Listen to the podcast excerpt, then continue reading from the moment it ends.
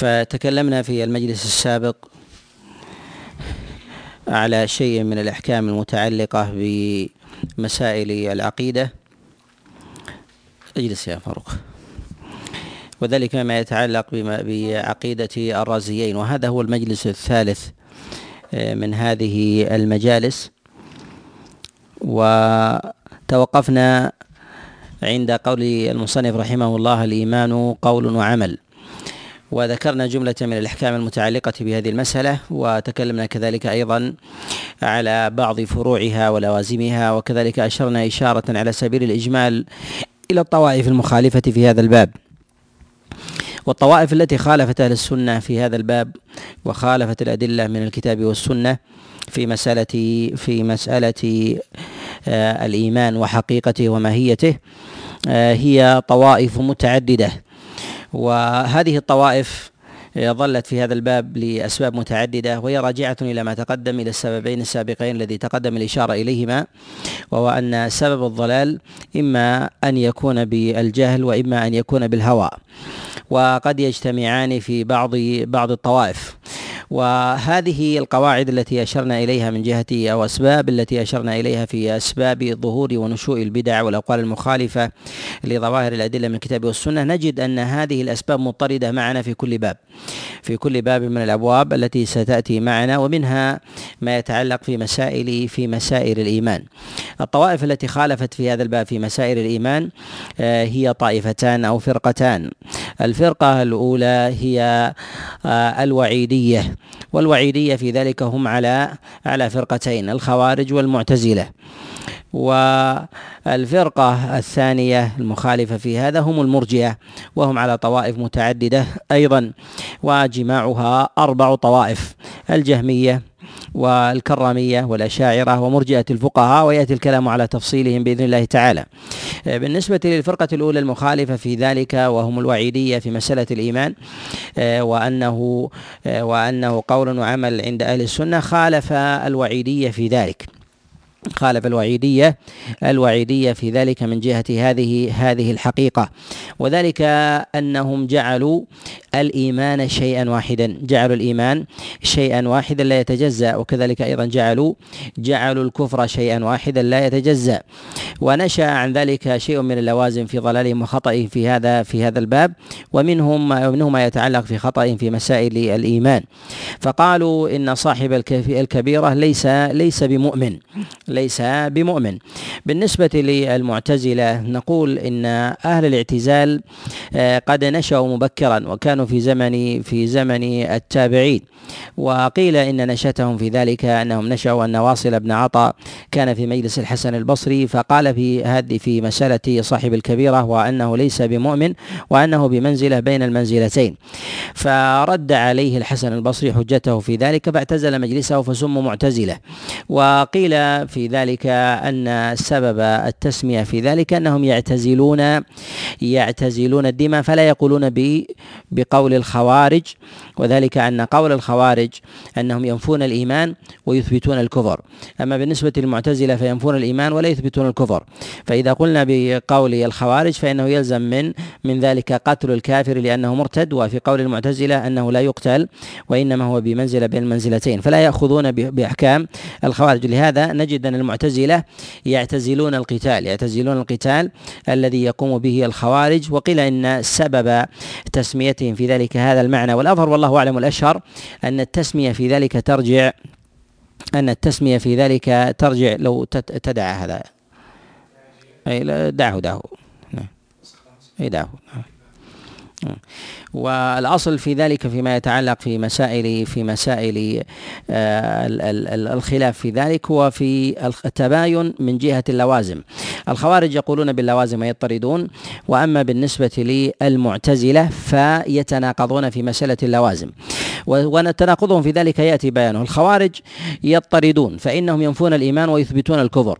وإذا أثبتوا الكفر قالوا بلوازمه في الدنيا وهو القتال ويقولون بلوازمه في الآخرة وهو الخلود في النار. أما بالنسبة للمعتزلة في ذلك فإنهم يقولون بنفي الإيمان ولا يقولون بإثبات الكفر فيجعلونه بمنزلة بين المنزلتين. فإذا قيل بهذا هل يلتزمون بقتاله؟ قالوا لم نكفره حتى نقول بقتاله حتى نقول بقتاله. فالتزموا في فالتزموا بذلك. وأما بالنسبة لما يتعلق بمسألة حكمهم في الآخرة فهل التزموا بقولهم؟ لم يلتزموا بقولهم. وذلك أن لازم القول أن يكون بمنزلة بين المنزلتين لا في الجنة ولا في النار. ولكن المعتزلة في ذلك قالوا بأنه في النار. قالوا بأنه بأنه في النار. وقالوا إنه خالد مخلد فيها خالد مخلد فيها ولكنه أخف من من الكافر أخف من من الكافر. فوافقوا في ذلك الخوارج من جهة المآل في الآخرة وخالفوهم من جهة الأسماء. ولهذا نقول إن أهل السنة آه، وسط بين أولئك وسط بين بين أولئك. وأولئك إنما ضلوا في أبواب الأسماء والأحكام وضلوا في أبواب الوعد والوعيد. ونجد أن الخوارج والمعتزلة والطوائف الوعيدية فإنهم فإنهم يغلبون جانب يغلبون جانب الوعيد ويعطلون جانب جانب الوعد. وأما بالنسبة للأسماء والأحكام فإنهم على ما تقدم من جهة اضطرابهم في ذلك في ذلك الباب. وأما بالنسبة للمرجئة فالمرجئة في ذلك نجد أنهم غلبوا جانب الوعد وعطلوا جانب الوعيد. وكذلك أيضا بالنسبة للأسماء نجد أن المرجئة في ذلك جعلوا الإيمان شيئا واحدا لا يتجزأ. فشابهوا الخوارج من جهة هذا الأصل وخالفوهم من جهه من جهة حقيقته وكذلك أيضا ما ينفيه وما وما يناقضه. وهذه الطائفة وهي الوعيدية وانقسامها إلى فرقتين وهم الخوارج وكذلك أيضا المعتزلة في هذا في هذا الباب.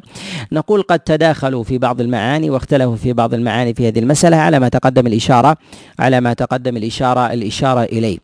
ونجد أن المعتزلة هي من الطوائف التي نشأت مبكرا وكذلك أيضا نجد أن المعتزلة أيضا قد شابهت كثيرا من الطوائف في عقائدها.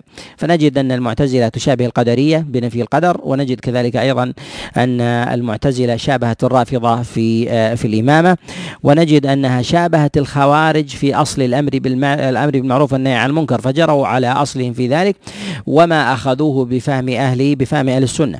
وشابهوا الجهمية أيضا في نفي الصفات ونفي الرؤيا والقول بخلق القرآن. ولهذا نقول إن المعتزلة هي اوزان أوزاع بين الطوائف والفرق. هي أوزاع بين الطوائف والفرق وهذا مما يستشكله بعض بعض المتعلمين من جهة تصنيف المعتزلة من جهة تصنيف المعتزلة. فتارة يلحقون بالرافضة وتارة يلحقون بالخوارج من وجه وتارة يلحقون بالجهمية من من بعض الأوجه. ولهذا نجد أن بعض الأئمة من أهل السنة يسمون المعتزلة جهمية. يسمون المعتزلة جهمية. إذا تطرقوا إليهم في أبواب الأسماء والصفات والقرآن وكان الإمام أحمد رحمه الله يسميهم جهمية كما في كتابه الرد على الجهمية. فإذا قال الجهمية فإنه يريد أولئك فإنه يريد أولئك كذلك البخاري رحمه الله حينما يطلق الجهمية في رده عليهم فإنه يريد بذلك المعتزلة. فإنه يريد بذلك المعتزلة. ونستطيع أن نقول إن إنه كل أن كل معتزلي جهمي وليس كل جهمي معتزلي.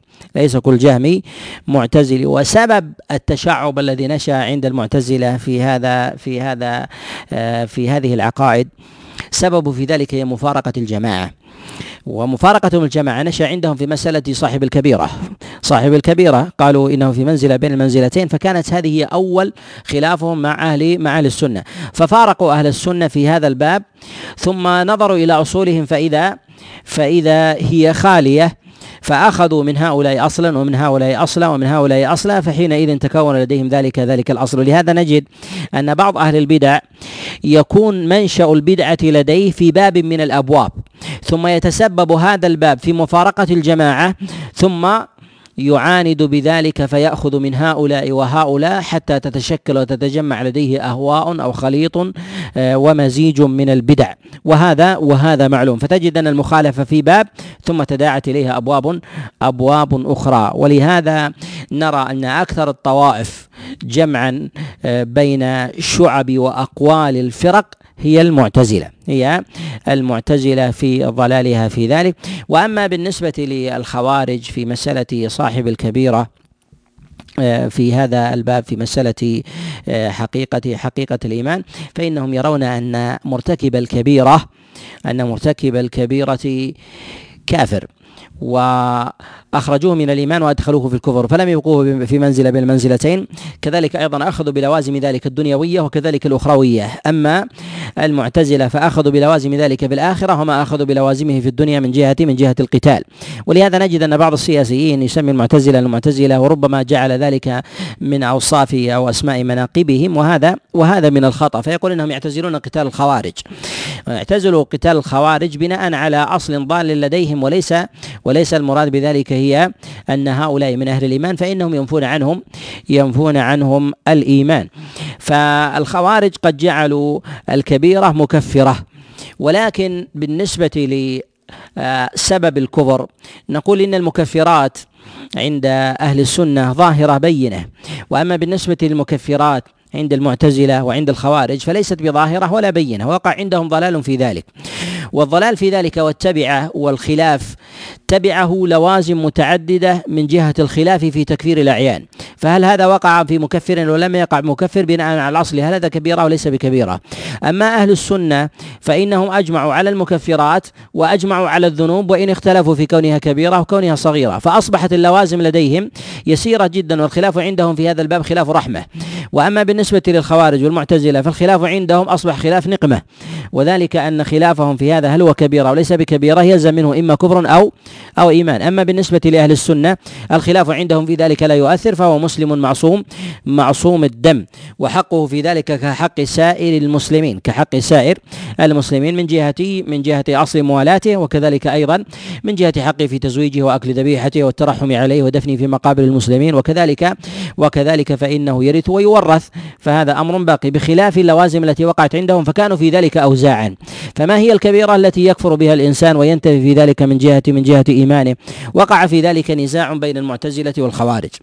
بين المعتزلة والخوارج. وهم في ذلك على طوائف وطرائق متعددة ينشأ فيهم طوائف يتولد لديهم أقوال ليست عند ليست عند عند سابقيهم. فمنهم من يقول إن الكبيرة في ذلك هي الذنوب التي توعد الله سبحانه وتعالى فاعلها بشيء فتلك فتلك كبيرة بشيء من أنواع العقوبة في الدنيا أو الآخرة فتلك كبيرة. ومنهم من قال إن الكبيرة ما صاحبها إصرار سواء كانت في حقيقتها صغيرة أو كبيرة. فهؤلاء قد خالفوا أولئك في في كثير من من المعاصي فيرون الصغيرة مع الإصرار كبيرة ويرون الكبيرة مع عدم الإصرار صغيرة. فحينئذ لا يكفرون بالذنب الواحد الذي يقترفه الإنسان وذلك بالسرقة الواحدة إذا فعلها الإنسان ثم تركها أو زنى أو كذلك أيضا شرب الخمر مرة فإنهم لا يكفرون بذلك ويكفرون بالصغيرة إذا أدام إذا أدام عليها. ويجعلون الكبيرة قالوا هي الإصرار و والدوام لا ذات الفعل وهذا يذهب إليه النجدات من الخوارج. على خلاف على خلاف بقية الخوارج في هذا فهم أيضا على طوائف كذلك أيضا من جهة بعض الأوصاف. فهل هذه صغيرة أو كبيرة؟ حتى منهم من قال إن حلق اللحية من الكبائر ومنهم من زاد في ذلك قال إن إن حلق شعرة واحدة من اللحية كبيرة بل قال منهم لو أخذ بيده أو فتل بأصبعه شعرة من لحيته فقد أخذ شيئا منها فكفر فكفر بالله سبحانه وتعالى. واصبح الأصل الذي خالفوا في أهل السنة تبعه لوازم وخلاف في ذلك ظلوا في ذلك ضلالا ظلوا في ذلك ضلالا كبيرا. ولهذا نقول إن صحة الأصول رحمة. في خلاف الفروع. وبدأ وكذلك أيضا بطلان الأصول نقمة في الخلاف في في الفروع. فنجد أهل السنة يختلفون في مسائل توصيف بعض الذنوب هل هي كبيره وليست كبيرة. كذلك في صاحب الصغيرة إذا أصر عليها هل هو مرتكب لكبيره أو ليس مرتكب لكبيره الثمرة في ذلك عندهم لا لا تنقض أصولهم. لا تنقض اصولا بخلاف الخوارج المعتزلة فانها تنقض ذلك ذلك الأصل. الطائفة الثانية من الطوائف التي ظلت في آه، هذا الباب وخالفت آه، أهل السنة وهي الطائفة الثانية هم المرجئة. هم المرجئة. وإنما سموا مرجئة في ذلك لأنهم غلبوا جانب الرجاء على الخوف ومنهم من جعل الرجاء بلا خوف فلم يعتد بشيء من بل يعتد بشيء من أمور الخوف بل منهم من جعل الرجاء في ذلك كحال كالرجاء آه، هو الأصل وبالنسبة للخوف هو أمر استثناء ومنهم من جعله شعرة دقيقة آه، من المسائل بالنسبة لأهل السنة فهم وسط في ذلك بين الرجاء وبين وبين آه، الخوف. المرجئة في ذلك على طوائف. المرجئة في ذلك على على طوائف. نجد أن الإرجاء من جهة العقيدة الإرجاء موجود في سائر في سائر أهل الضلال في كل شرعة سماوية في كل شرعة سماوية. وأصل ذلك أنه موجود حتى عند الفلاسفة من أهل النظر وذلك أن آه، أصل آه، النشأة آه، لديهم هو استيعاب كل مقر بالخالق ويسمونهم بالربوبيين. كل من أثبت وجود الخالق وعرفه فهو فهو مؤمن به فهو مؤمن به بغض بغض النظر عن فعله وكذلك أيضا أقواله آه، وانقياده. آه، المرجئة في ذلك على طوائف. المرجئة في ذلك على على طوائف. منهم من يجعل الإيمان المعرفة القلبية. المعرفة القلبية. وهؤلاء هم أوسع الناس أوسع الناس إدخالا لمفهوم الإيمان وكأنهم يستوعبون الخلق جميعا وكأنهم يستوعبون الخلق جميعا. وذلك إذ لا يجحد بوجود الخالق ولا يجهله إلا ولا يجهله إلا إلا معاند مكابر إلا معاند مكابر. وهؤلاء الذين جعلوا الإيمان هو المعرفة هم الجهمية. وهي الفرقة الأولى من فرق من فرق الخوارج. ونقول في فرق المرجئة. لهذا نقول إن الطوائف التي ظلت في هذا الباب من المرجئة هي هي أربعة أربعة أربع طوائف. الطائفة الأولى هم الجهمية الذين يجعلون الإيمان يجعلون الإيمان المعرفة يجعلون الإيمان المعرفة. ولازم هذا القول أن الكفر لا يكون إلا بجهل لا يكون إلا إلا بجهل. قالوا فلا يكفر إلا الجاهل فلا يكفر إلا الجاهل. وعلى هذا نقول إن إن ثمة لوازم لهذا القول فاسدة عقلا وشرعا. ومن أعظم هذه اللوازم ومن أعظم هذه اللوازم التي تلزم لقولهم انهم أنه لا حاجة إلى إرسال الرسل ولا انزال الكتب. وذلك أن الإنسان يعرف فطرة انه يعرف فطرة أنه مخلوق وأن الله عز وجل هو الخالق. وأنه مربوب وثمة رب وأنه مدبر وثمة مدبر. فهذا فهذا أمر معلوم بالفطرة. فالله عز وجل فطر الناس على على ذلك. فإذا كان الإيمان يصح وهو تام بهذا المعنى فإنه يلزم من ذلك فإنه يلزم من ذلك آه، ثبوت الإيمان قبل وجود الرسالة. ولا حاجة حينئذ لايجاد لإيجاد آه، الرسالة وكذلك أيضا ارسال آه، إرسال الرسل. وفروع هذا اللازم أنه يدخل في هذا الباب المعاندون. يدخل في هذا الباب المعاندون الذين ثبت بألسنتهم وكذلك أيضا بأفعالهم معرفة الخالق وذلك إبليس وفرعون وكذلك أيضا من آه، الظالمين الجاحدين من آه، قوم آه، فرعون وكذلك أيضا من المشركين في مكة وغيرهم وذلك أنهم يعرفون الله ذلك أنهم يعرفون الله. فالنبي صلى الله عليه وسلم ما أرسله الله إلى كفار قريش في لما المعرفة القلبية ولكن ولكن أرسله الله عز وجل إليهم لحق الله سبحانه وتعالى بعمل قلوبهم وكذلك أيضا لأقوال ألسنتهم وكذلك أيضا لجوارحهم.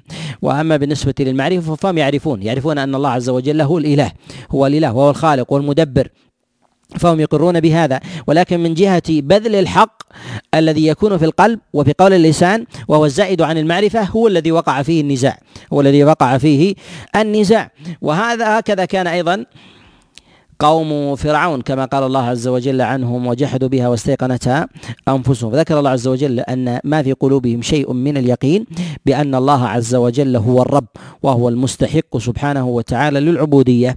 ولكن من جهة الحقيقة جحدوا بذلك بألسنتهم. جحدوا بذلك بألسنتهم. كذلك أيضا بالنسبة لكفار قريش. كذلك لهذا الله عز وجل يقول فإنهم لا يكذبونك ولكن الظالمين بآيات الله يجحدون. يعني أن الحقيقة أنهم يصدقون يكون والتصديق هو زيادة عن المعرفة. التصديق هو زيادة عن المعرفة. ثمة معرفة ثم تصديق. ويكون بذلك بعد ذلك عمل القلب من الخوف والرجاء والتوكل والاستعانة والاستغاثة وغير ذلك من أعمال من أعمال القلب كالإخلاص لله سبحانه وتعالى. فهم يعرفون ثم يصدقون بقلوبهم ولكن يجحدون بألسنتهم. ولكن الظالمين بآيات الله يجحدون ويدخلون في هذا المعنى. كذلك أيضا فإن إبليس وهو إمام الضالين وسيد الإغواء للناس أجمعين وللثقلين جميعا. نجد أنه أنه يعرف الله وربما يعرف الله بقلبه أكثر من أن يعرفه أن يعرفه كثير من المؤمنين أو أكثر المؤمنين وذلك لمنزلته العلية السابقة. فكفر بالله سبحانه وتعالى وجحد فلم ينفعه لم تنفعه معرفته القلبية. فعد بذلك عد بذلك شيطانا وإبليسا وإبليسا فأبعده الله سبحانه وتعالى وجعل خاتمته في ذلك مما قصه الله عز وجل في كتابه. يقول الله عز وجل عن إبليس قال رب بما أغويتني يعني أنه يؤمن بحق الله عز وجل بالربوبية فناداه بهذا الاسم فقال رب بما أغويتني. وفي هذا جملة من المعاني منها أنه يعلم بأن الله هو الرب ومنها أنه يعلم أن الله هو المتصرف والمدبر بالإغواء والهداية وهو الذي يس وأن الله جل وعلا هو القادر آه، على أن يحول بين بين العباد وبين وبين قلوبهم وبين إرادتهم. فلما كانت هذه المعرفة وهذا من تمام المعرفة القلبية ولكن لما صاحبها جحد بالقلب وكذلك أيضا باللسان. لم ينفعه لم تنفعه تلك تلك المعرفة. ما أصل هذا القول عند الجهمية؟ من جهة أن الإيمان هو المعرفة. نقول أصل ذلك هو عند فلاسفة اليونان. وعند فلاسفة اليونان. وذلك كأرسطو وأفلاطون وسقراط. وذلك أنهم يجعلون ويعظمون المعرفة القلبية. المعرفة القلبية. الفلاسفة فلاسفة اليونان ليسوا ملاحدة ينفون وجود الخالق بل يثبتون وجود الخالق يثبتون وجود وجود الخالق فيقولون إن ثمة خالق وثمة آه، وثمة مخلوق. ولكن من جهة تدبير الناس وتصرفهم وأفعالهم ويسمى بالسببية آه، الحتمية كذلك أيضا بالنسبة للثواب وما يأتي بعد ذلك. هل الثواب يكون للأرواح أم يكون للأبدان؟ يقولون بأن الأبدان لا تبعث. أن الأبدان لا تبعث. فهم يرون أنه ثمة نعيم للأرواح العالمة انتبهوا لهذه العبارة أن ثمة نعيم للأرواح العالمة لا للأرواح الجاهلة. ومن هنا نشأ قول الجهمية. ومن هنا نشأ قول الجهمية. قالوا لما كان النعيم للأرواح العالمة دل على أن الإيمان يكون بالعلم. وهذا القول هو الذي نشره وأذاعه بعض المنتسبين للإسلام من الفلاسفة من الفلاسفة ذلك الفارابي. وتقدم معنا أننا قلنا في صدر آه، هذه المجالس وصدر آه، هذه الدروس أن أن هذين الإمامين آه، الرازيين هم من أئمة السنة والاثر ولكنهما من جهة الأصل من أهل العجم كذلك أيضا في بلد أعجمي وشيوخهم في ذلك خليط بين عرب وعجم وهم على سنة وأثر واتباع. ولكن تلك البلد التي كانوا فيها بلدان فارس آه، وما فيها وما حولها من بلدان خراسان كان فيها كان فيها علم الكلام وعلم الفلسفة فيها شائعا.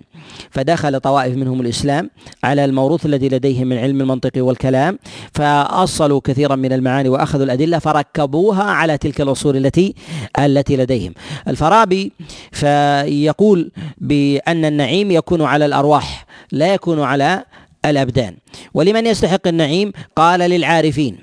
وما قال للعابدين. يكون للعارفين تأثر بهذا الطرح جماعة ممن ممن يقول بهذا القول ممن جاء بعد الفارابي. ومعلوم أن الفارابي إنما كان في القرن الثالث والرابع وتبعه في ذلك ابن سينا وهو في القرن الرابع والخامس. وابن سينا هو بلدي البخاري. وفرق الله بينهما بين هذا أن صاحب اتباع وأثر وهذا صاحب فلسفة وكلام. كذلك أيضا فإن الفارابي من فاراب وهي بلدة من بلدان من بلدان فارس. تأثر بعلم الكلام الذي نقل وترجم في بلدانهم عن أرسطو فأخذوا هذه التأصيلات ثم ثم شاعت عند عند المنتسبين للإسلام. كانت المدرسة الكلامية شائعة في بلد خراسان. وقوية لأجل ذلك. فيرون أن الدخول إلى علم الكلام ضرورة. يرون أن الدخول إلى علم الكلام ضرورة. وذلك أن الفلسفة آه، موجودة لديهم وكتب فيها وأكثر فيها فأثرت على طوائف. أثرت على الذين تعلموها ليردوا على الفلاسفة فتوسعوا في علم الكلام فأثر عليهم في هذا الباب. وقد تأثر في هذا طوائف. تأثر في هذا طوائف من أجل هذا الأمر وذلك كالإسفرايين كأبي إسحاق وكذلك أبي القاسم وكذلك إمام الحرمين الجويني وأبو حامد الجويني أبو حامد أبو حامد الغزالي وأبو وإمام الحرمين الجويني. وجماعة من من أئمة من أئمة خراسان الذين أخذوا علم الكلام وردوا على أولئك الفلاسفة بتأثرهم في ذلك. ولكن نجد أن هذا العلم الذي أخذوه وأكثروا منه أثر على تأصيلهم في مسائل العقائد على تأصيلهم في مسائل العقائد ومنها مسائل مسائل مسائل الإيمان. نشأ في هذه الطائفة وهي طائفة الجهمية الذين يقولون بأن الإيمان هو المعرفة. أصل هذا القول على ما تقدم أنه أخذ من فلاسفة اليونان وتبناه جماعة منهم من أذاعه ومنهم من من تبناه بلا بلا إذاعة. وكان أصل نشوء هذا القول تاثرا آه، في تلك البلد. ثم انتقل إلى بلدان المسلمين ثم انتقل إلى بلدان المسلمين. انتقل إلى العراق وكانت العراق هي المجمع كانت العراق هي المجمع الذي يجمع علماء المشرق والمغرب. فيأتي علماء المغرب إلى العراق فيتلقوا في في بغداد ويتلقوا في البصرة وفي الكوفة آه، في سوق العلم ومجالسه ويأتي علماء ويأتي علماء المشرق وهم علماء خراسان وعلماء العجم الذي تعلموا علم الكلام فيأتون إلى العراق. ولهذا نجد أن الغزالي قد اقام في العراق أكثر من عشر من عشر سنين يدرس في ذلك. فنقل علم الكلام وتأثر به طوائف وتأثر فيه به طوائف بهذه المدرسة وممن تأثر في ذلك ابن العربي. ابن العربي المالكي فالتقى به ثم انتقل إلى آه، إلى المغرب فنشر ذلك العلم هناك ونشأ في ذلك أيضا طوائف ممن تأثروا بهذه بهذه المدرسة. فأبو حامد الغزالي رحمه الله آه، قد صنف في ذلك ردا على الفلاسفة المراد بذلك الفلاسفة المشرقيين كتابه التهافت الفلاسفة. فجاء من المغربيين ابن رشد الأندلسي فرد على أبي حامد الغزالي في كتاب سماه تهافت التهافت أي رد على ذلك الأصل فكيف نشأت المدرسة الغربية بعدما نشأت المدرسة الشرقية في هذه في في هذا الباب في المدرسة الفلسفية التي تأثرت فيها كثير من العقائد ومنها ما يتعلق بمسألة منها ما يتعلق بمسألة الإيمان. الجهمية ينتسبون إلى الجهم بن صفوان. الجهم بن صفوان خراساني أعجمي وكان قليل الحديث وقليل المعرفة في ذلك وتبعه في ذلك طوائف تأثروا بقوله وعقيدته في ذلك أخذها من الجعد بن درهم والجعد بن درهم أيضا هو أصله خراساني. وإن كان سكن الشام فنجد أن جامعهم في ذلك العجمة جامعهم في ذلك العجمة فلا يعرفون بحديث. ومن انتظم ومن انتظم عقدهم في إسناد. وليس لهم حديث يروى يروى في دواوين السنة ولا في دواوين الأثر. وما جلس إليهم سماعا للرواية. وما انتقلوا أيضا لسماع الحديث. وإنما أخذوا بعض ما بعض آه، أصول الإسلام آه، من أفواه الأشياخ ثم أصلوها على ما كان عندهم ثم أذاعوها. وكان منهم على منهم من كان على ديانة وعبادة وزهادة. وظن في ذلك الناس فيه صدقا. وهو ربما يكون كذلك. ولكن نقول إن الصدق وحده لا يكفي لسلامة الأقوال ولا لسلامه ولا لسلامة آه، العقائد. فنقول إن الجهمية جعلوا الإيمان المعرفة القلبية. المعرفة القلبية. ومعلوم أن أن الإيمان على ما تقدم هو قول وعمل واعتقاد قول وعمل واعتقاد. ما الاعتقاد على ما تقدم الإشارة إليه ينطوي على معنيين ينطوي على قول وينطوي على عمل. فثمة قول للقلب وثمة عمل لي وثمة عمل للقلب. هم هم ذهبوا إلى أحد شطري اعتقاد القلب وهو المعرفة. فجعلوا المعرفة وهي أحد معاني القول جعلوها جعلوها هي الإيمان فاستوعبوا الناس جميعا. من الذي يشابه الآن آه، هذه العقيدة؟ يشابه العقيدة الآن اليوم هو الليبرالية والعلمانية. الليبرالية والعلمانية هي امتداد لهذه المدرسة. وذلك أنهم يجعلون الإيمان من يؤمن بوجود الرب. ويجعلون يقابله في ذلك هم الملاحدة. يجعلون الذين يقابلون الملاحدة الذين لا يؤمنون بوجود خالق. لا يؤمنون بوجود خالق. فيسمونهم ربوبيين. هؤلاء ربوبيين. فيشترك في ذلك من يؤمن بوجود الخالق آه، بالنصرانية أو اليهودية أو الإسلام أو كذلك أيضا البوذية. وعندهم الملحد الذي يرى يرى أن الكون آه، الكون لا موجد له. انه لا موجد لا موجد له. فهذه امتداد لتلك لتلك المدرسة وليست منفكة عنها.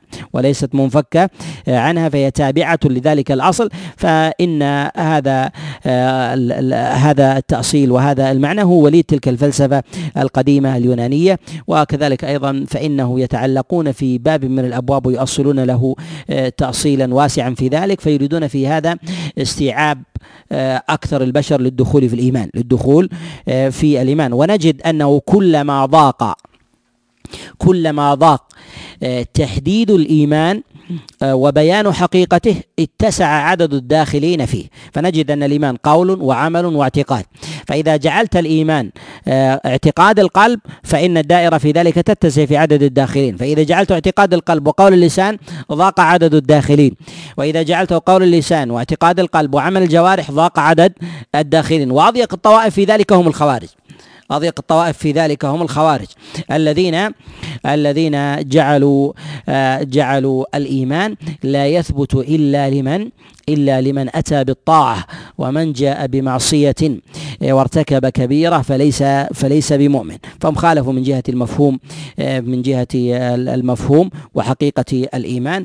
وهذا ما جعل كثيرا من أهل الأهواء يتشوفون إلى تقرير هذا المعنى وهو أن الإيمان هو المعرفة القلبية هو استيعاب البشر ولهذا يدعون إليها بعبارات كثيرة آه، جدا أن كلنا مؤمنين وكذلك أيضا أن هذه الديانات كلها تؤدي إلى رب واحد وهذا ليس بملحد ويؤمن بالله ونحو ذلك.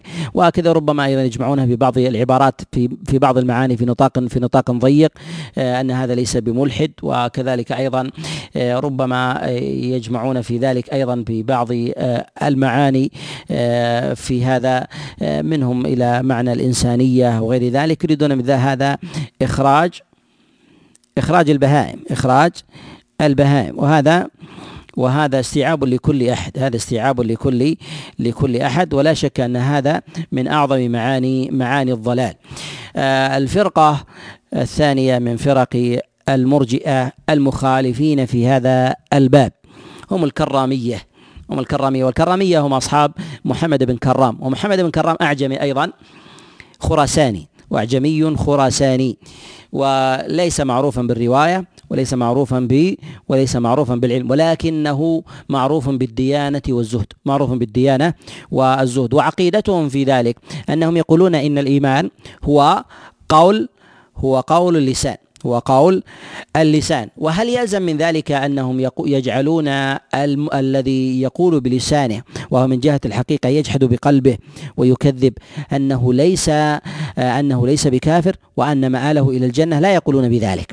لا يقولون بذلك ولكنهم يجعلون الإيمان وقول هو قول اللسان وذلك لعلة لأنهم لا يريدون أن يتجزأ لا يريدون أن يتجزأ الإيمان فهم يوافقون غيرهم المرجئة والخوارج وكذلك أيضا الجهمية في أن الإيمان شيء واحد وأن الكفر شيء واحد لا يزيد ولا ينقص لا يزيد ولا ولا ينقص وإنما يزول. وإنما يزول على خلاف عند بعض الطوائف. في هذا الباب كبعض الطوائف من الخوارج كالإباضية فإنهم يقولون إن الإيمان يزيد لكنه لا ينقص. الإباضية يقولون إن الإيمان يزيد لكنه لكنه لا ينقص قالوا يزول. فإذا زاد فإنه لا لا ينقص. فنقول إن الكرامية نشأت في خراسان وهي في بلد من بلدان العجم وأنشأ قوله ذلك قال إن الإيمان هو قول هو قول اللسان. هو قول اللسان وبعضهم ألزمه ببعض الأقوال آه، وبعضهم ألزمه ببعض ألزمهم ببعض الأقوال أنه يلزم أن يكون المنافقون مؤمنين أن يكون المنافقون آه، مؤمنين. وذلك أنهم يقولون بأفواههم ما ليس ما ليس في قلوبهم. والله عز وجل قد حكم قد حكم بكفرهم. نقول هذا اللازم ينفيه بعض الأئمة. ولهذا ابن تيمية رحمه الله يقول من نسب إليهم أنهم يقولون بإيمان المنافقين فقد كذب عليهم. فقد كذب فقد كذب عليهم. هم يثبتون المعرفة القلبية ويثبتون التصديق ولكنهم لا يثبتون عمل القلب. ولكنهم لا يثبتون عمل القلب. وكأنهم جعلوا اللسان برهانا للمعرفة ولتصديق القلب. فإذا جحد الإنسان بلسانه فهو فهو كافر. إذا جحد الإنسان بلسانه فهو فهو كافر. ويوم القيامة يرون أنه يحاكم إلى قول لسانه وإلى معرفة قلبه وتصديقه معرفة قلبه وتصديقه. وقد فتن في محمد بن كرام خلق كثير بسبب بسببين. السبب الأول بسبب ديانته وتعبده فكان عابدا زاهدا مقلا من الدنيا منصرفا عنها ومنصرفا عن الوجاهه والدخول على الأمراء والسلاطين منعزلا. والسبب الثاني هو ثباته فقد ابتلي ابتلاء كثيرا. قد ابتلي ابتلاء كثيرا وقد سجن في خراسان ثمان سنين. ليرجع عن قوله فأبى فأبى أن يرجح ولهذا نقول إن الثبات على الباطل فتنة. إن الثبات على الباطل فتنة. ربما يغتر به الناس. وقد ذكر غير واحد من الأئمة أنه فتن فيه خلق كثير. وإنما أتي بسبب عجمته. أتي بسبب عجمته. وقد ذكر ابن حبان رحمه الله في ترجمة محمد بن كرام أنه كان أعجمي ولا يعرف ولا يعرف التحيات ولا يعرف التحيات. وقد ذكر عنه عثمان بن سعيد الدارمي وقد رد عليه ورد على أضرابه أنه رآه فقال آه، من أين أتيت بهذا العلم الذي تقول قال علم لدني أوجده الله في بطني. أوجده الله أوجده الله في بطني. فقال له عثمان بن سعيد قال أتعرف التحيات؟ قال نعم. قال وما هي التحيات؟ قال التحيات لله والسلوات ذكرها بنطق العجم. فقال اخرج قاتلك الله. فإذا كان لا تستطيع أن تنطق آه، التحيات على لفظ الشريعة فكيف تفهم المعاني وتدركها؟ فهو أوتي من هذا الباب. وقد فتن ثم نفي من خراسان وثبت على قوله. وذهب إلى فلسطين. وجاور عند المسجد الأقصى وفتن خلقا بديانته وزهادته وتأثر وأخذ عقيدته عنه أقوام ودفن ودفن هناك. وصنف فيه أقوام في فضائله في فضائل محمد بن كرام وأوردوا في ذلك أحاديث حتى موضوعة حتى موضوعة في في فضله. ولهذا نقول ربما يثبت صاحب الباطل معتقدا صحة باطله وربما يكون باعتقاده ذلك معذورا فيهلك بسببه الأتباع فيهلك بسببه آه، الأتباع. ولهذا نقول إن الزهادة في الدنيا ليست دليلا على صحة على صحة معتقد الإنسان. ولا كذلك أيضا الثبات. ربما يثبت الإنسان على باطل وربما ينتكس عن حق. وربما ينتكس عن حق. والعبرة هو معرفة الحق بذاته ومعرفة الباطل الباطل بذاته. فالأشياء تتميز بذاتها. أما الناس في ذواتهم فهم يضعفون وهم و ويثبتون. والله عز وجل يجعل مقادير ذلك لأسباب تتباين. فربما يتمحض فتنة الباطل في صورة حق في في نفس بعض الناس ويشتبه الحق عند بعض الناس فينتكس فينتكس عنه. ولهذا آه، ارتد من ارتد ممن كان في مع النبي عليه الصلاة والسلام. وكذلك أيضا نجد آه، من ثبت من ثبت معه أو من ثبت ممن جاء بعد ذلك. نجد من الثابتين من المتأخرين ممن من جاء بعد النبي عليه الصلاة والسلام بقرون أعظم ثباتا من من ارتد وهو يشاهد النبي عليه الصلاة والسلام ويرى ويرى المعجزات. اذا ربما يثبت الإنسان وهو على على على باطل وربما ينتكس وهو وهو على حق. فمعرفة الحقائق بذاتها معرفة الحقائق بذاتها.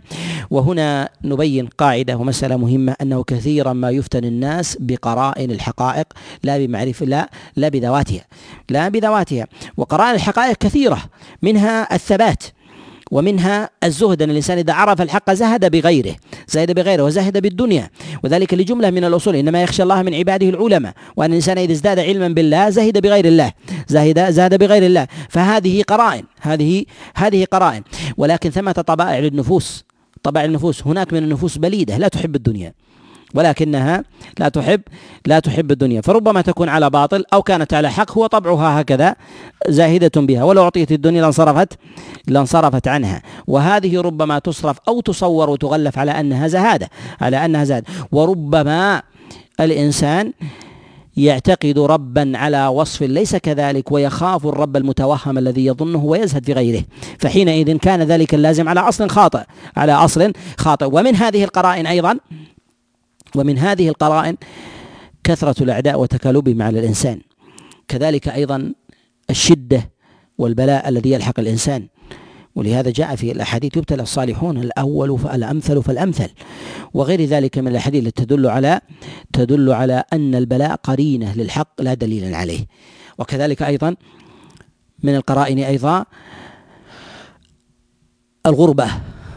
كما قال النبي عليه الصلاة والسلام بدأ الإسلام غريبا وسيعود غريبا. قد يكون الإنسان غريبا في أوساط أهل الحق ويظن أن غربته في ذلك أنها أنها أمارة على حق وهي وهي قرينة على على كونه على الباطل. ولهذا نقول هذه قرائن لا أدلة. هذه قرائن على لا أدلة. فربما يكون صاحب الحق غريبا وربما يكون صاحب الباطل غريبا وربما يبتلى الإنسان على باطل على باطل ويكرم الإنسان وهو على حق. فهذه تكون هكذا وهكذا ولكن الشريعة جاءت بأوصاف الأغلب التي لو جاءت مجتمعة كانت أقرب ما يكون إلى الحق ولهذا لا بد من معرفتها بذاتها. ومما فتن به الناس في محمد بن كرام هذين الأمرين وذلك بزهده وكذلك أيضا بثباته.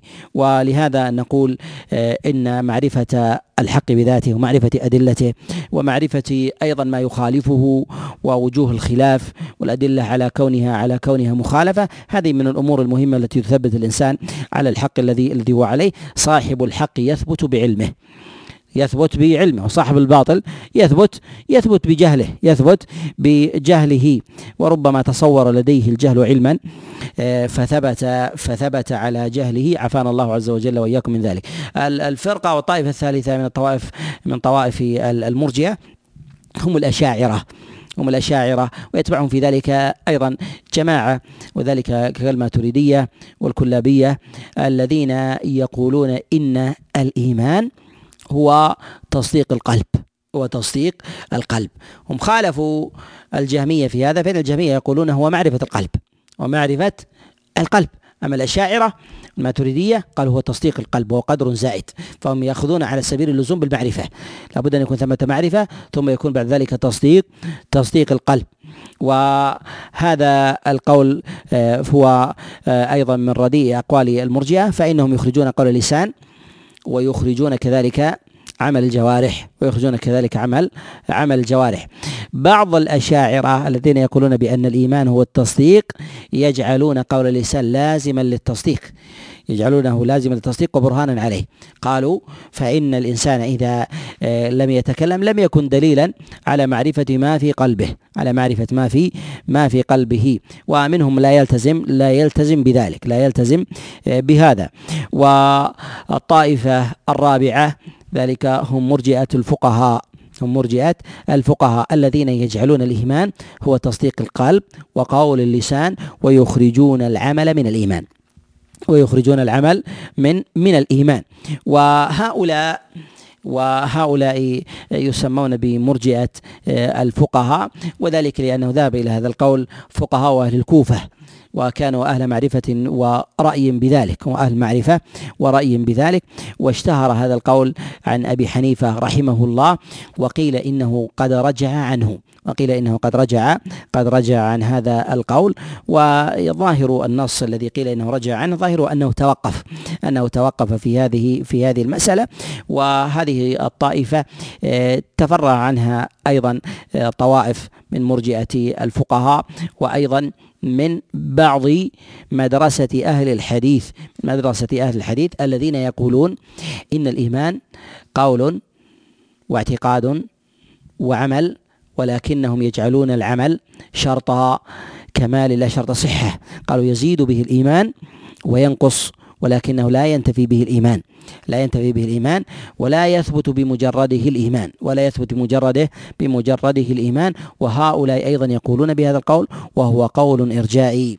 وعقيدة السنة والجماعة يقولون إن الإيمان قول وعمل واعتقاد قول وعمل واعتقاد. يثبت بهذه وينتفي بهذه يثبت بها وينتفي بها. وتقدم معنا أيضا الكلام في المجلس الأول أن من وقع لديه خلل في معرفة الإيمان. في معرفة الإيمان وقع لديه خلل في معرفة الكفر في معرفة الكفر. فإذا رأيت أحدا يختل لديه التكفير في باب فاعلم أنه لديه خلل في أصل تأصيل الإيمان وثبوته. فإنه ما من شعبة من شعب الإيمان إلا ويقابلها شعبة من شعب الكفر. وما من شعبة من شعب الكفر إلا ويقابلها شعبة من شعب الإيمان. فإذا كان لا يسميها الإيمان ولا يثبت الإيمان بها فإنه لا يثبت الكفر الكفر بها لا يثبت الكفر بها. فإذا كان لا يثبت الإيمان بالسجود أو بالعمل الذي يقع من الإنسان وجنس جنس العمل فإنه لا ينفي الإيمان بترك العمل لا ينفي الإيمان بترك بترك العمل. فهؤلاء يجعلون العمل يجعلون العمل هو كحال نافلة القول ونافلة الاعتقاد. كنافلة القول ونافلة الاعتقاد وهم من جهة الحقيقة ما خرجوا عن ذلك القول. لهذا نقول إن تعابير بعض بعض الفقهاء وبعض الأئمة توافق تعابير أهل السنة توافق تعابير أهل السنة وفي الحقيقة تخالفهم ولهذا لابد من معرفة تفسير أقوالهم. ومن أقوالهم في ذلك أنهم يقولون أنهم يقولون إن الإيمان قول وعمل واعتقاد. يؤتى ما المراد؟ هل هذه الثلاثه متساوية؟ هل هي الثلاثه متساوية؟ إذا كانت متساوية عنده فقد وافق أهل السنة. فقد وافق أهل السنة. إذا قال لا ليست متساوية. هو الإيمان قول واعتقاد. أما العمل فهو كمال. فهو كمان. نقول وافقت قول المرجئة وافقت قول قول المرجئة. فيرون في ذلك أنه إذا وقع منه مكفر عملي قالوا لا يكفر. إذا وقع منه مكفر عملي قالوا لا يكفر. لماذا؟ لأنهم لا يرون أن العمل يثبت الإيمان أصلا فضلا عن أن ينفيه قالوا حتى يصرح بقوله أنه أنه كأنه كافر بذلك أو جاحد لهذا الشيء.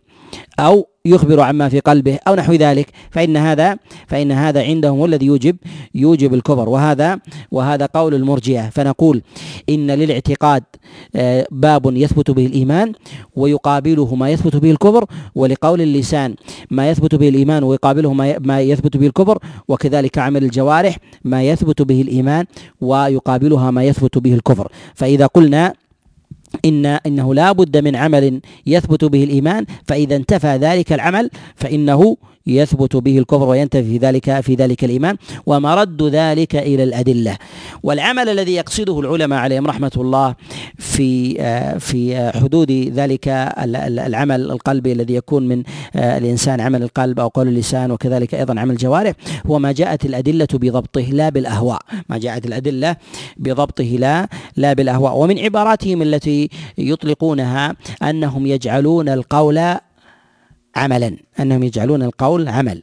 فإذا جعلوا القول عمل يريدون بذلك أن يخرجوا عمل الجوارح أن يخرجوا عمل الجوارح. ولهذا الإمام أحمد رحمه الله سئل عمن يجعل القول عمل فقال هذا قول خبيث هذا قول المرجئه لم أسمع أن احدا قال بهذا ولا بلغني عنه. والمراد بذلك فيما يظهر أنه يقصد شبابه بن سوار وهو من رواة الحديث من قال بهذا القول أنهم يجعل القول عمل. قالوا إذا قلنا إن الإيمان قول وعمل هو قول القلب وقول اللسان واعتقاد القلب وقول اللسان يكون عملا حينئذ لا نحتاج إلى عمل الجوارح. لا نحتاج إلى عمل الجوارح لأنه يقول لا إله إلا الله وكفى يقول لا إله إلا الله وكفى ولو لم يعمل شيئا. ولو لم يعمل ولو لم يعمل شيئا. وقيل إن الشباب بن سوار قد تراجع عن ذلك. آه، نقله أبو زرعة كما نقله الخطيب البغدادي في كتابه التاريخ إنه رجع عن قوله هذا إلى إلى غيره. ونقول إن أن أصول الضلال إنما نشأت في التفسير هو البعد عن المصطلح الأول الذي كان في زمن النبوة وذلك بسبب العجمة. وذلك بسبب العجمة في فهم آه، نصوص الشريعة وكذلك مراد الله سبحانه وتعالى سبحانه وتعالى منها. فنجد أن القول والعمل والاعتقاد في كل واحد منها ثمة أنواع من شعب الإيمان يثبت بها الإيمان وثمة أنواع إنما هي من زيادة الإيمان ونقصانه. هي من زيادة الإيمان ونقصان. إن وجدت زادت الإيمان وإن زالت فإنها تنقص تنقص الإيمان بمقدار بمقدار ما يزيد من الإيمان و وما يثبت. والأعمال القلبية في ذلك أيضا هي تتباين آه، من جهة وفرتها وكثرتها والدليل عليها والمرد في ذلك إلى النصوص من الكتاب من الكتاب ومن الكتاب والسنة. ومن الأمور المهمة هنا التي ينبغي آه، بيانها مما يخطئ به المرجئة في فهم النصوص. يقولون أن ثمة نصوص تدل على عدم دخول على عدم دخول العمل في حقيقة الإيمان. فوجوده لا يثبته وعدمه لا ينفيه. عدمه لا لا ينفيه. قالوا ومن ذلك أن النبي صلى الله عليه وسلم كما جاء في البخاري من حديث ابن المسيب سعيد بن المسيب عن أبيه أن النبي صلى الله عليه وسلم قال لعمه أبي طالب يا عم قل لا إله إلا الله كلمة نحاج لك بها عند الله. قالوا أراد النبي عليه الصلاة والسلام منه كلمة أن تخرج منه ولم يكن ثمة عمل.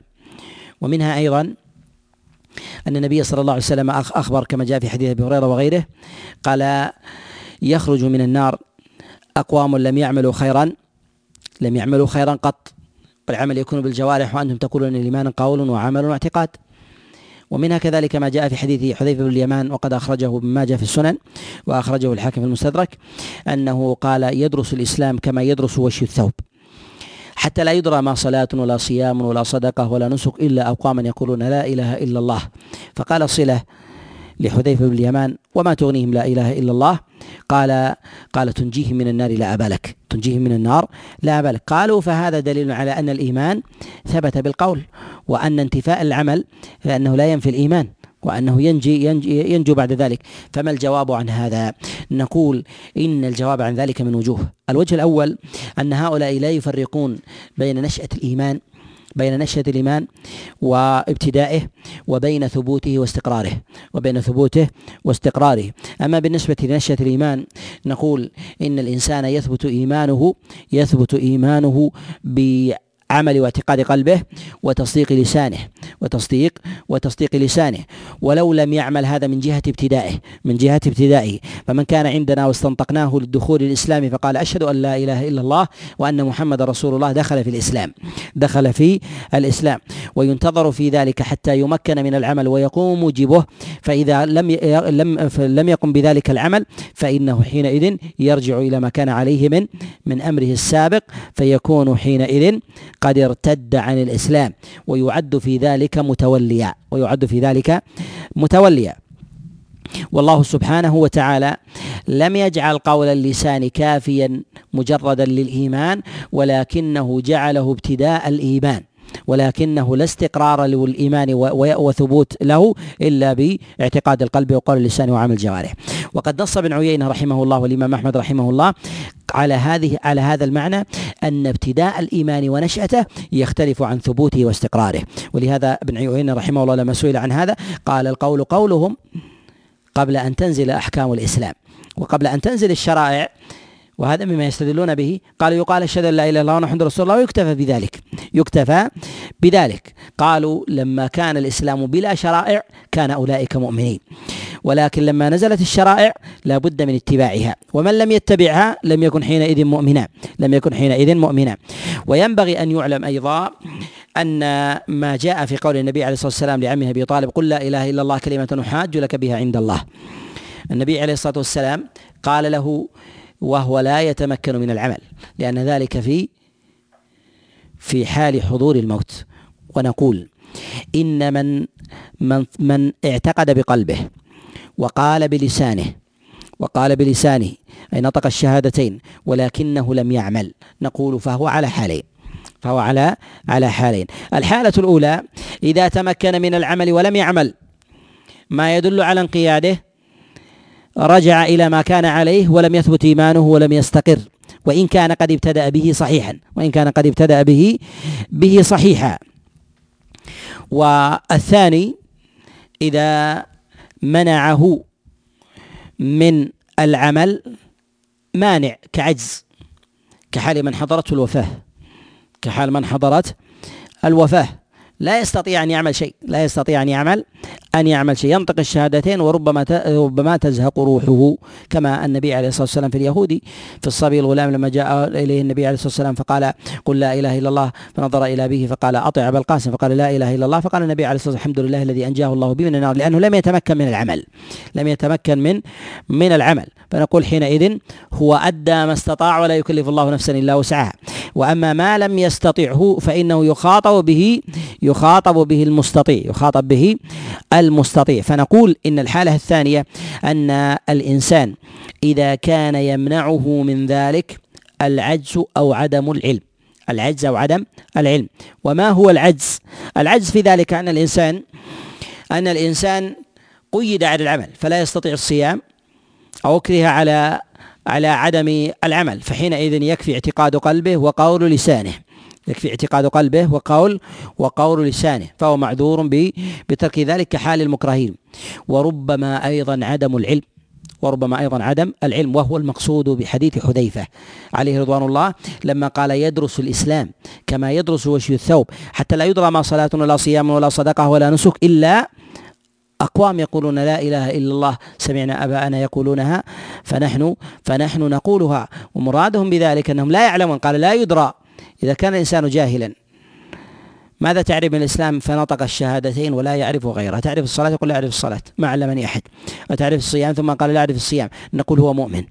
هذا هذا مؤمن. ولو بقي على هذا القول عشرات السنوات.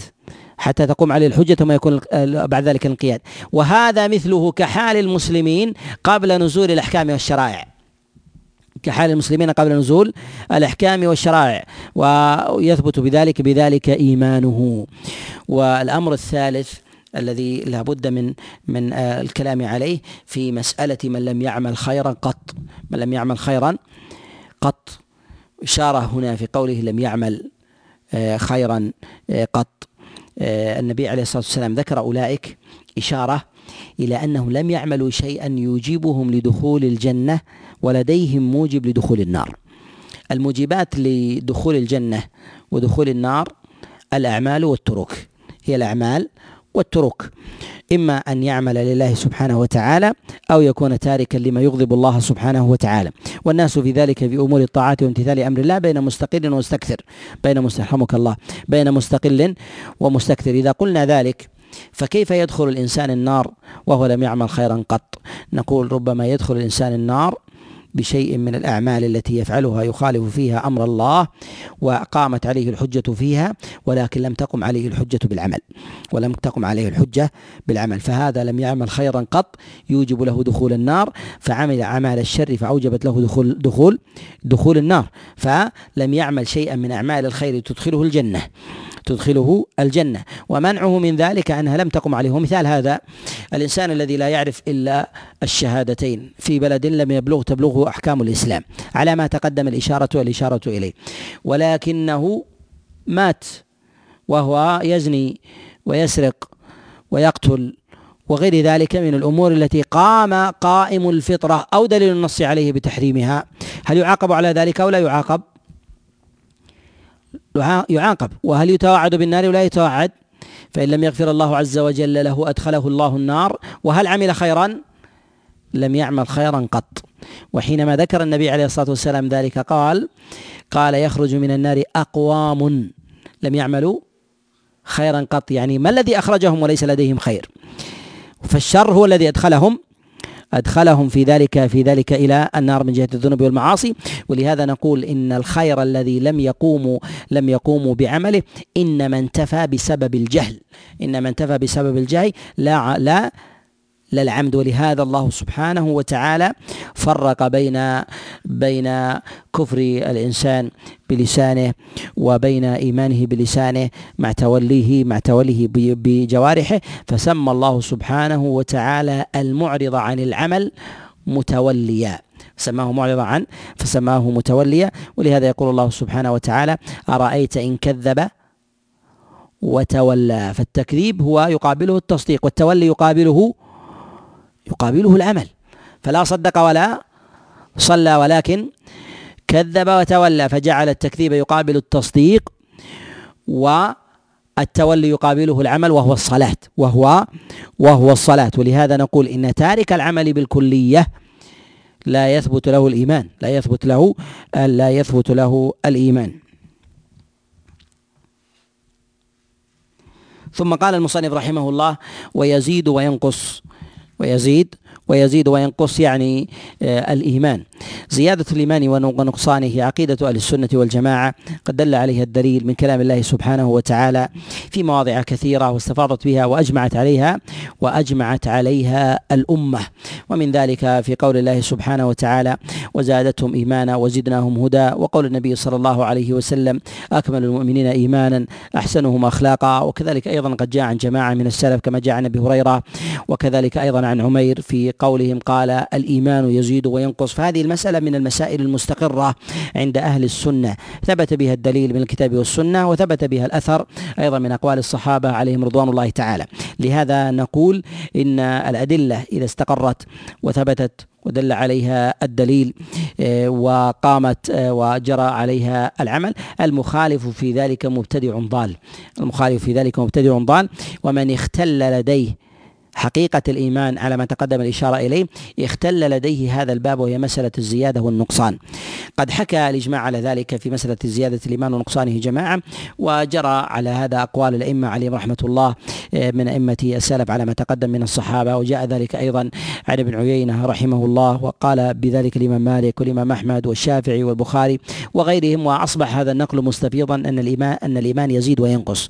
ولكن من جهة التفسير من جهة تفسير الزيادة والنقصان نقول إنه يزيد بالطاعة يعبرون بذلك بأنه يزيد بالطاعة وينقص وينقص بالمعصية. والطاعة تكون بالعمل وتكون بالترك. وذلك بعمل ما أمر الله به وترك ما نهى الله عز وجل عنه إذا أخلص الإنسان بتركه للمحرم. فالترك عبادة حينئذ فيزيد بها فيزيد بها العمل فيزيد بها الإيمان. كذلك أيضا هنا قال وينقص يعني ينقص بالمعصية. ينقص بالمعصية. ولا يزول إلا بالكفر. ولازم ذلك أنه لا يزول إلا إلا بالكفر. إذا قلنا إن الإيمان يثبت بالطاعة والطاعة تكون أفعالا وتروك كذلك أيضا النقصان ينقص بالمعصية. والمعصية في ذلك هي أفعال وتروك. أفعال وتروك. فكيف تكون أفعالا وكيف تكون تروكا؟ تكون الأفعال من جهة المحرمات والتروك في ذلك للواجبات. والترك في ذلك للواجبات فإذا ترك الإنسان واجبا فإنها معصية ينقص بذلك الإيمان. وإذا فعل محرما فإنه في ذلك ينقص فإنه في ذلك يكون معاملا وعمله في ذلك محرم ومعصية وينقص بذلك. وهل لازم ذلك أن الإنسان لا لا ينقص إيمانه إلا بفعل المعصية؟ نقول لا يلزم من ذلك لأن الإنسان ربما ينقص إيمانه بترك بترك الطاعة المستحبة بترك الطاعة المستحبة.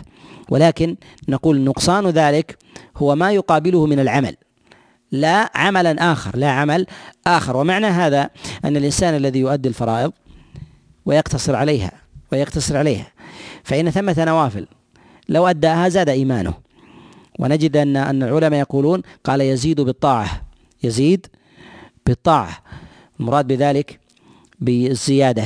لكن ترك الطاعة هل ينقص؟ قالوا وينقص بالمعصية يعني هل لا ينقص بترك بترك الطاعة إذا لم تكن واجبة؟ نقول لا ليس هذا بلازم ولكن ذكروا في ذلك النقصان الأصل لا نقصان ما بناه الإنسان بطاعته بمعنى أن الإنسان لو جاء بالفرائض الخمس واقتصر عليها ثم جاء بالسنن الرواتب وقيام الليل وقرأ القرآن وأكثر من الذكر والعبادة والتصدق وهذه نوافل.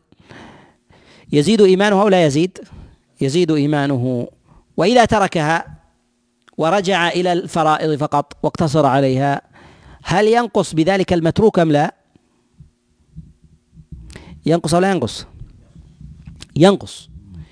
وهنا في قول العلماء وينقص بالمعصية لا يلزم من ذلك هو أنه لا ينقص بترك الطاعة ولكن مرادهم بذلك المراد بذلك أن النقصان بالطاعة أن الطاعة إذا كانت نافلة تزيل ما بنته في عملها ما بنته في عملها. فإذا قام الإنسان الليل فقام لشهر أو شهرين أو نحو ذلك فإن هذا يزيد من إيمانه.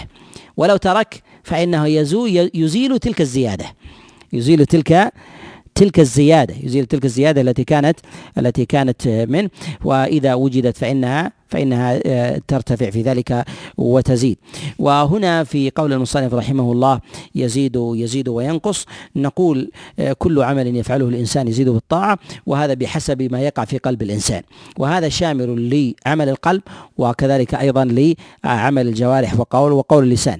فإذا عمل الإنسان بجوارحه واستحضر في قلبه الشيء العظيم آه، من جهة خشية الله عز وجل فإن فإن الإيمان في ذلك يعظم. ولهذا نقول إن زيادة الإيمان ونقصانه ليست بالعمل الظاهر المجرد فلا بد من مصاحبة العمل لا بد من مصاحبة العمل الباطن. فالذي يصلي ركعتين بخشوع وحضور قلب وخشية وترقب فإنه أعظم عند الله سبحانه وتعالى ممن يؤدي أربع ركعات بقلب غافل ساهل الله ولهذا ليست بالعمل بالعمل الظاهر فلا بد من من الجمع بين هذه الأشياء. ضل في هذا الباب من الطوائف في الذين في باب زيادة الإيمان ونقصانه ضل في هذا المرجئة والخوارج والمعتزلة. مرجئة والخوارج والمعتزلة لماذا؟ لأنهم جعلوا الإيمان كلا لا يتجزأ. جعلوا الإيمان كلا لا يتجزأ. إما أن يثبت وإما أن وإما أن يزول. وإما أن يزول. على خلاف آه، أهل السنة في ذلك. ومنشأ آه، هذا الاضطراب عندهم في الزيادة والنقصان هو أصل حقيقة الإيمان. أصل حقيقة الإيمان. وتقدم معنا أيضا تأكيد آه، في المجال السابقة أنه لا بد لطالب العلم أن يفهم هذه الحقيقة فيما يتعلق بحقيقة الإيمان. أن من أدركها على وجه الحقيقة فإنه يدرك كثيرا من الفروع واللوازم لها. يدرك باب التكفير كله. يدرك باب التكفير كله. وخلل الطوائف في ذلك.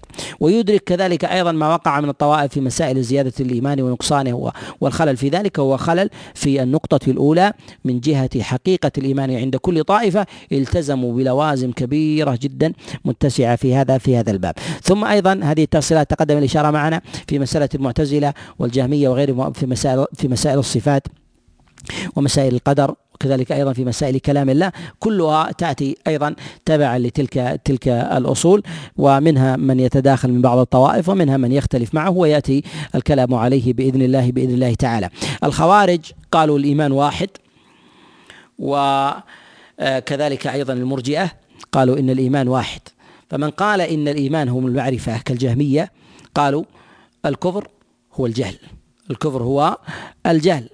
ومن قال إن الإيمان هو قول اللسان كالكرامية فإنهم يرون أن الإنسان مهما فعل من العبادة أنها لا أثر عليه. صلى وصام وتصدق لا أثر لها على على إيمانه من جهة الزيادة والنقصان. يقابله كذلك أيضا فعل المعاصي عندهم. لماذا؟ لأنها خارج الدائرة التي أثبتوا بها الإيمان فيرون أنها خارج المساحة كذلك أيضا في الزنا والسرقة والكذب والغيبة والنميمة وغير ذلك لا يرون لها أثر على ذلك الأصل ذلك الأصل عندهم ذلك الأصل عندهم ومن قال إن الإيمان هو تصديق القلب ومعرفته تصديق القلب ومعرفته وذلك آه، كحال الأشاعرة فإنهم يرون أن ما يقع في كلام الإنسان وما يقع كذلك أيضا آه، في آه، في أفعاله آه، من معاصي وذنوب ونحو ذلك يرون أن لا أثر عليها فربما يكون كامل الإيمان وبسبب ما في قلبه ولو فعل تلك المحرمات التي خالف فيها أمر الله سبحانه وتعالى. ولكن نقول أن الأشاعرة والماتريدية في هذا في هذا الباب لا يخرجون نواقض الإيمان القولية جميعها. وذلك أنهم يقولون انه قالوا ما ما نفى وخالف التصديق الذي يكون بالقلب وذلك بسب الله بسب الله والاستهزاء به. وغير ذلك قالوا ورمي المصحف ودوسه بالأرض وغير ذلك يرون أن ذلك كفرا. يرون أن ذلك ذلك كفرا. قالوا لأنه لا يمكن أن يثبت معه لا يمكن أن يثبت معه التصديق. لا يمكن أن يثبت معه التصديق فأخذوها من جهة اللزوم ما أخذوها من جهة الأصل. ولكن يظهر هذا اختلالهم في جملة من الأمور. فلا يرون أن الذي يسجد يسجد لصنم لمجرد سجوده أنه كافر حتى يستفصل عن ما في قلبه حتى يستفصل عما عما في قلبه. وكذلك أيضا في مرجئة الفقهاء في هذا في هذا الباب. وأظهر أفعال المرجئة تظهر في أبواب المكفرات العملية في المكفرات العملية لأنهم جميعا يخرجون العمل من من الإيمان يخرجون العمل من الإيمان وإن أدخله بعضهم فإنه يدخله كمالا فإنه يدخله كمالا وبه آه، نعرف دائرة الاتساع آه، في آه، في المرجئة. أما بالنسبة للخوارج فإنهم يجعلون الكبيرة سواء كانت باللسان أو كانت بعمل الجوارح أنها مناقضة مناقضة للإيمان أنها مناقضة للإيمان وسبب المناقضة للإيمان لأنهم يرون أن الإيمان شيئا واحدا لا يزيد ولا ولا ينقص خلاف الإباضية الإباضية يرون أن الإيمان يزيد. ولكن يرون انه أنه لا ينقص وإنما يزول. وإنما يزول فوافقوا بقية الخوارج من جهة زوال الإيمان بالكبيرة ايا كانت تلك الكبيرة. أما من جهة عمل الطاعات فإنهم خالفوهم في ذلك خالفوهم في هذا آه، الأصل. فهم يوافقون من جهة التكفير ومن جهة الخلود في النار ومن جهة استحلال الدماء والقتال. ولكن من جهة الطاعة إذا جاءت من آه، من الإنسان فإنها تزيد إيمانه. ولكن النقصان قالوا فإن النقصان في ذلك لا يكون يكون إلا بالزوال بالتمام بالزوال بالتمام واستدلوا ببعض آه، الأدلة المشتبهة وضلالهم في ذلك هو هو كضلال المعتزلة في هذا الباب. وسببه أنهم نظروا إلى النصوص فوجدوا نصوصا تنفي الإيمان أو أو نصوصا تتوعد مرتكب الكبيرة مرتكب الكبيرة بالنار. قالوا فلما توعد الله عز وجل مرتكب الكبيرة آه، بالوعيد والخلود في النار. هذا دل قالوا دل على أنه من أهلها فشابه الكفار في الغاية شابه الكفار في الغاية. وإما المعتزلة فإنهم قالوا لا نكفره قالوا لأن الله لم يسمه كافرا لم يسمه كافرا. قالوا والله عز وجل يسميه ظالما. قال ألا لعنة الله على الظالمين؟ قالوا والظالم هو مرتكب الكبيرة. مرتكب الكبيرة. قالوا فحينئذ لا لا نكفر ولكن نسميه ظالما. قالوا وتوعده الله عز وجل بالنار فيكون من أهلها. فشاركوا الخوارج في الغاية. وهذا لا شك أنه السبب في ذلك هو العجمة على ما تقدم. وذلك أن الفجور والظلم والفسق أن هذه من الألفاظ المشتركة التي يدخل فيها الكافر ويدخل فيها المؤمن. من من الألفاظ المشتركة يدخل فيها الكافر والمؤمن ومرد ذلك إلى السياق. مر ذلك للسياق ومن جمع الأدلة وعرفها فإنه أبصر مقدار التوافق فيها وإحكامها وعرف مقدار بعد أهل الضلال والزيغ عنها. نكتفي بهذا القدر. والله أعلم. وصلى الله وسلم وبارك على نبينا محمد.